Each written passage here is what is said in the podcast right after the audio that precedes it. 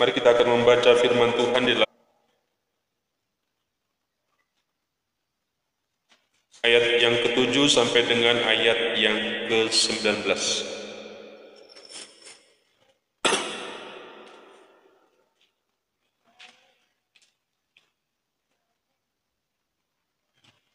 Kitab Pengkhotbah pasal yang kelima, ayat yang ke-7 sampai dengan ayat yang ke-19. Kita baca secara bergantian, akan memulainya. Bapak Ibu akan bersama-sama membacakannya. Demikian bunyi firman Tuhan, kesia-siaan kekayaan. Kalau engkau melihat dalam satu daerah orang miskin ditindas dan hukum serta keadilan diperkosa, janganlah heran akan perkara itu. Karena pejabat tinggi yang satu mengawasi yang lain, begitu pula pejabat-pejabat yang lebih tinggi mengawasi mereka.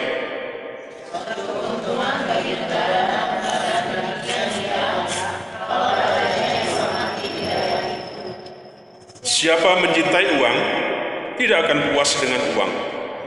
Dan siapa mencintai kekayaan, tidak akan puas dengan penghasilannya. Ini pun sia-sia.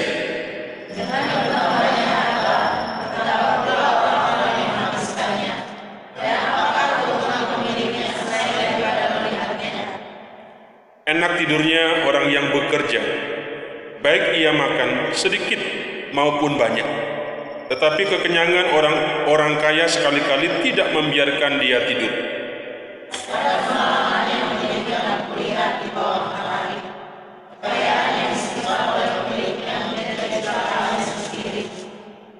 Dan kekayaan itu binasa oleh kemalangan, sehingga tak ada suatu pun padanya untuk anaknya.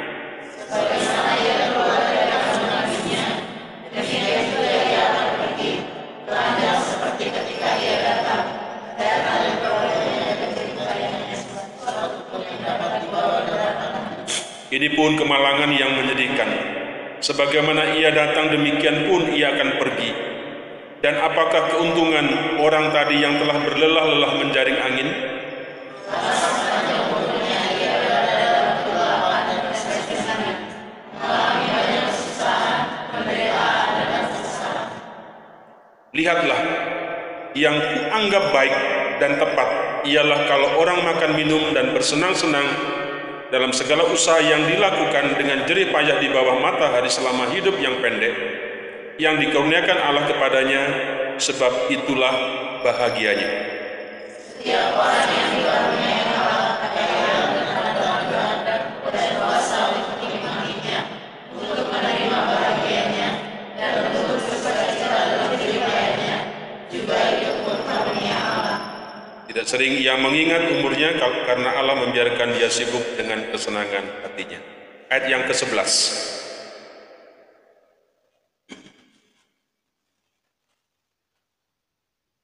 Dikatakan enak tidurnya orang yang bekerja, baik ia makan sedikit maupun banyak, tetapi kekenyangan orang kaya sekali-kali tidak membiarkan dia tidur. Bapak Ibu Saudara dikasih Tuhan, apa sebenarnya yang menjadi tujuan hidup saudara? Apa yang menjadi tujuan hidup saudara ketika saudara ada di tengah-tengah dunia ini?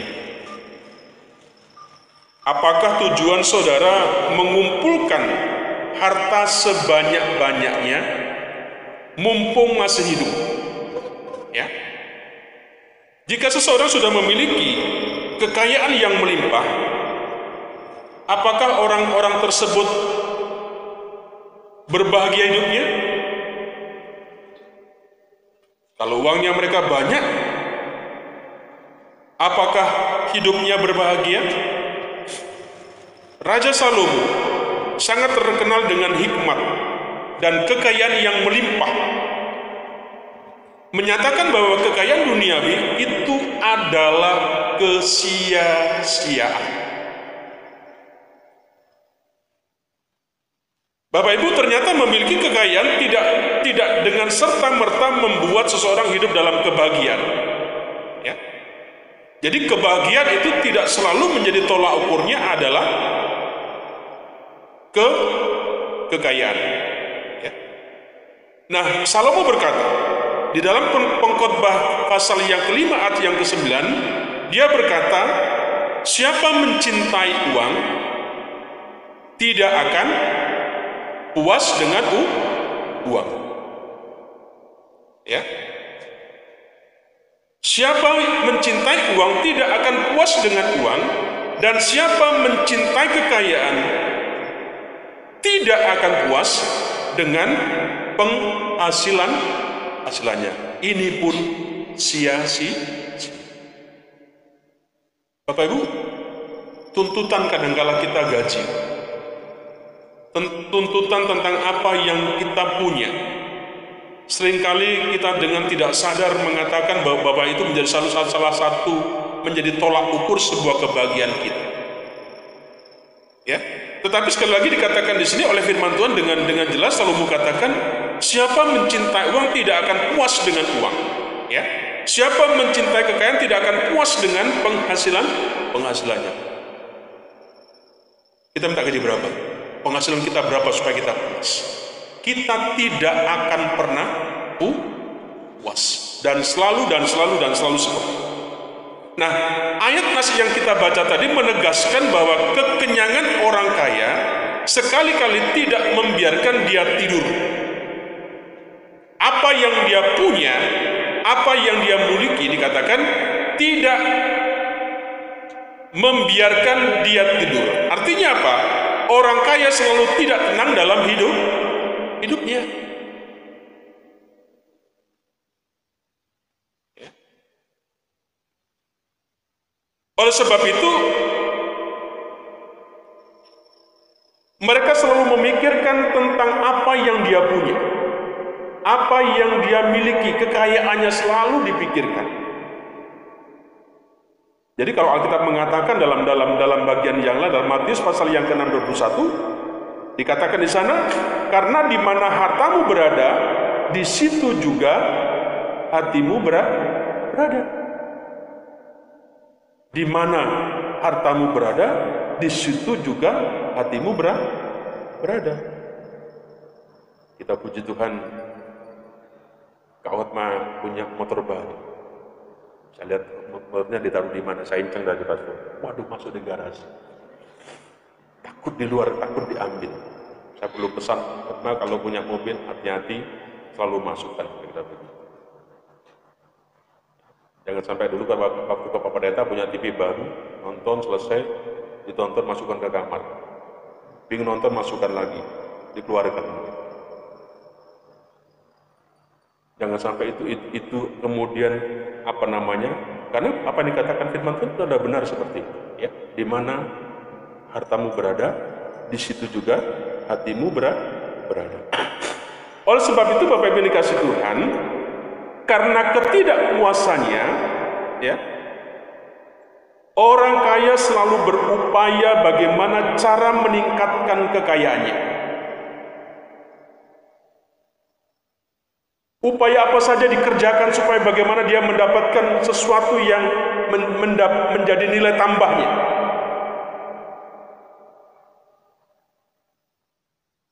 Kita bisa melihat secara secara nyata Bapak Ibu dalam kehidupan kita sehari-hari dan itu di apa di bisa di apa Bapak Ibu bisa melihat dengan dengan dengan mata banyak fakta-fakta yang terjadi seperti itu. Bagaimana ya berbagai kasus penipuan, bagaimana korupsi, Bagaimana orang-orang nilep uang yang seharusnya itu menjadi orang lain menjadi bagian kita. Kita ambil apa yang menjadi haknya yatim piatu, kita embat pun dan sebagainya. Kenapa? Karena orang berbagai cara bagaimana meningkatkan pendapatannya, kekayaan. Nah, hal ini semata-mata karena mereka ingin memperoleh kekayaan dengan jalan yang yang yang pintas di luar anugerah Tuhan.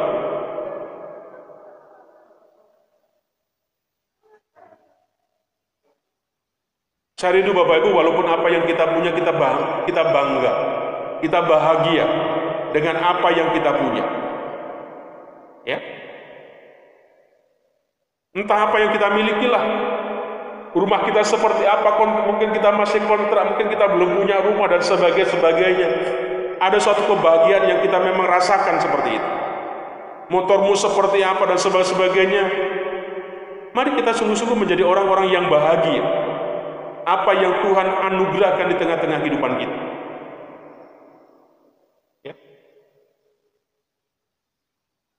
Firman Tuhan tak pernah berhenti mengingatkan kepada kepada kepada kita kepada orang-orang kaya di dunia ini agar mereka jangan tinggi hati. Ya. Kalau engkau kaya, kalau engkau dipercaya sama Tuhan, dikatakan firman Tuhan, jangan engkau tinggi hati dan jangan berharap pada sesuatu yang tak tentu seperti kekayaan, kekayaan. Jangan kemudian fokus kita tentang itu dan itu dan itu dan, dan, dan, dan itu seperti itu. Ya, melainkan pada Allah dalam kekayaannya memberikan kepada kita segala sesuatu untuk dinikmati. Kita bersyukur Bapak Ibu yang dikasih Tuhan, walaupun di masa pandemi COVID-19 ini selama beberapa bulan ini, kita bagaimana merasakan bagaimana jeritan kita, bagaimana keuangan kita, bagaimana ekonomi kita dan sebagainya. Tapi kita bersyukur sampai hari ini pun apa pun keadaannya itu, itu bisa kita lewati. Dan kita bisa bersama-sama dengan pimpinan dan langkah daripada itu. Aksi-aksi yang kita buat hanya sebagai bentuk yang sifatnya sementara untuk menopang satu dengan yang lain. Bahkan hari sampai hari ini saya juga bilang kepada setiap jemaat kepada majelis kalau ada saudara kita yang memang mengalami, mari kita bantu bersama-sama. Ya. Jangan kemudian yang yang mapan merasakan kemapanannya, sementara orang-orang yang menderita kita biarkan. Tidak, ini menjadi sebuah tanggung jawab daripada kita bersama-sama. Nah, Bapak Ibu saudara Tuhan, harta kekayaan sekali lagi bukan tujuan akhir hidup kita.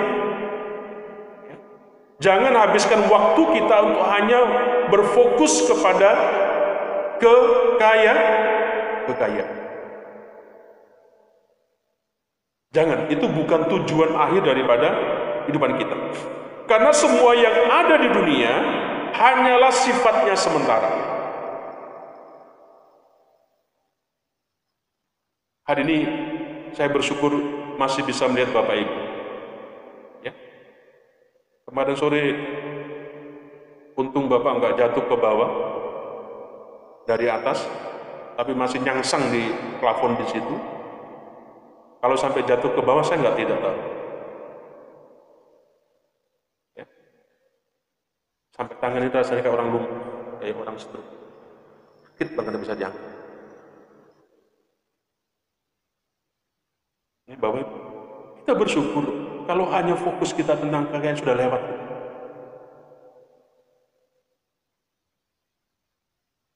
Kita baru, baru sadar, baru kita menyadari kalau kemudian kita mengalami peristiwa-peristiwa yang Kemarin waktu saya pijat di Kerawang, Bapakku langsung saya pergi ke Kerawang pijat, takutnya retak, takutnya patah dan sebagainya begitu. Dia cerita Bapak, Pak, kalau tidak berbahaya, Bapak bisa bunuh. Ada kasus-kasus yang seperti itu. Tangannya juga Bapak digerakkan. Tapi ketika diangkat, tidak bisa. Tapi bapak nggak apa-apa, diputar-putar. Ya mungkin karena masih masih apa masih masih terasa nyer, nyeri-nyeri gitu, sulit rasanya. Mari Bapak Ibu sekali lagi saya ingin mengajak kepada saudara kita. Jangan kemudian kita Bapak Ibu itu yang menjadi tujuan. Jangan menjadi tujuan akhir di kehidupan kita. Kekayaan. Kalau itu menjadi sebuah tujuan, maka ada upaya-upaya apa saja yang kadangkala kita harusnya dipakai Tuhan menjadi sebuah sarana kita tidak mengerti. Ya. Apakah semua harta yang yang kita miliki tersebut akan kita bawa pada saat kita mati? Kalau tiba-tiba saya jatuh bluk ke bawah mati, tidak mungkin saya akan dibawa apa mobil saya. Apa yang saya punya tidak akan.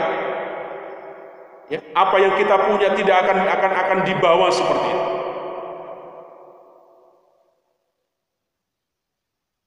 Bapak Ibu, saya ingin mengingatkan kepada setiap kita. Apakah jadi semua harta yang kita miliki tidak akan kita bisa bawa? Ya. Firman Tuhan katakan apa? Sebab kita tidak membawa sesuatu apa pun ke dalam dunia dan kita pun tidak dapat membawa apa-apa keluar. Kita datang ke tengah-tengah dunia dalam keadaan yang terancam. Ya. Artinya apa? Kita tidak membawa apa-apa. Nanti pulang pun juga kita tidak membawa apa-apa. Sama. Walaupun kita di apa di, dipakai baju, dipakai dengan segala aksesorisnya, itu bukan sesuatu yang penting. Tapi yang penting ketika kita datang, ketika ketika kita lahir, kita kita kembali, kita tidak juga membawa sesuatu. Jadi mari Bapak Ibu dikasih Tuhan, jika saat ini kita percaya Tuhan akan memiliki kekayaan, ya, kalau saat ini kita dipercaya Tuhan memiliki kekayaan lebih, saya tidak tahu apakah Bapak orang-orang yang kaya. Tetapi ketika engkau dipercaya oleh Tuhan seperti itu, ini adalah kesempatan bagi kita untuk berbuat baik. Mari menjadi kaya dalam kebajik, kebajikan. Suka memberi, ya. suka memba, membagi. Ini adalah kesempat, kesempatan. Jangan sampai kesempatan itu kemudian le. Jadi kita diingatkan dalam bagian firman Tuhan ini jadi mengumpulkan harta di surga itu lebih utama, utama bagi orang berja, Mari kita bersama-sama membawa bagian firman Tuhan ini ke tengah-tengah kehidupan kita. Apa pun keadaan kita, apa pun situasi yang ada di tengah-tengah kehidupan kita hari-hari ini, bahwa kekayaan itu tidak menjadi sesuatu menjadi tolak ukur bahwa engkau akan bahagia. Seberapa yang Tuhan percaya kepada kita, yang dianugerahkan Tuhan kepada kita, mari kita bersama-sama menikmati. Mungkin hari ini itu bagian kita. Kita tidak perlu kita bersungut-sungut, kita tidak perlu menyalahkan satu dengan yang lain. Mungkin inilah waktu kita dalam kondisi yang seperti itu. Saya percaya Tuhan jauh lebih mengerti apa yang dia kerjakan dalam kehidupan setiap. Sekalipun itu di masa-masa pandemi yang seperti ini. Kalau Tuhan dulu tolong kita, kalau dulu Tuhan pelihara kita, dalam situasi, situasi apa pun, kita percaya bahwa pemberian Tuhan sempurna dalam kehidupan Bapak Ibu. Dan tentunya kita semuanya di tempat Mari kita terus bersemangat. Mari kita terus melayani. Biarlah apa namanya keberadaan keluarga kita di tengah-tengah keluarga kita semakin hari semakin lebih baik.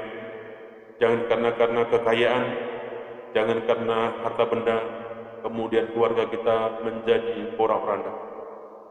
Jangan sampai itu juga menjauhkan kita, membuat kita jauh daripada Tuhan. Tetapi satu pesan yang Tuhan mau tadi yang kita perlu ambil pada hari ini. Kalau kau diberikan kesempatan itu, mari kesempatan kita untuk berbagi. Mari kita kesempatan untuk kita membantu saudara-saudara kita, khususnya mereka-mereka yang membutuhkan. Biarlah juga mereka bisa menikmati akan kegembiraan, akan sukacita yang kita rasakan. Kiranya Tuhan memberkati Mari kita tunduk kepala.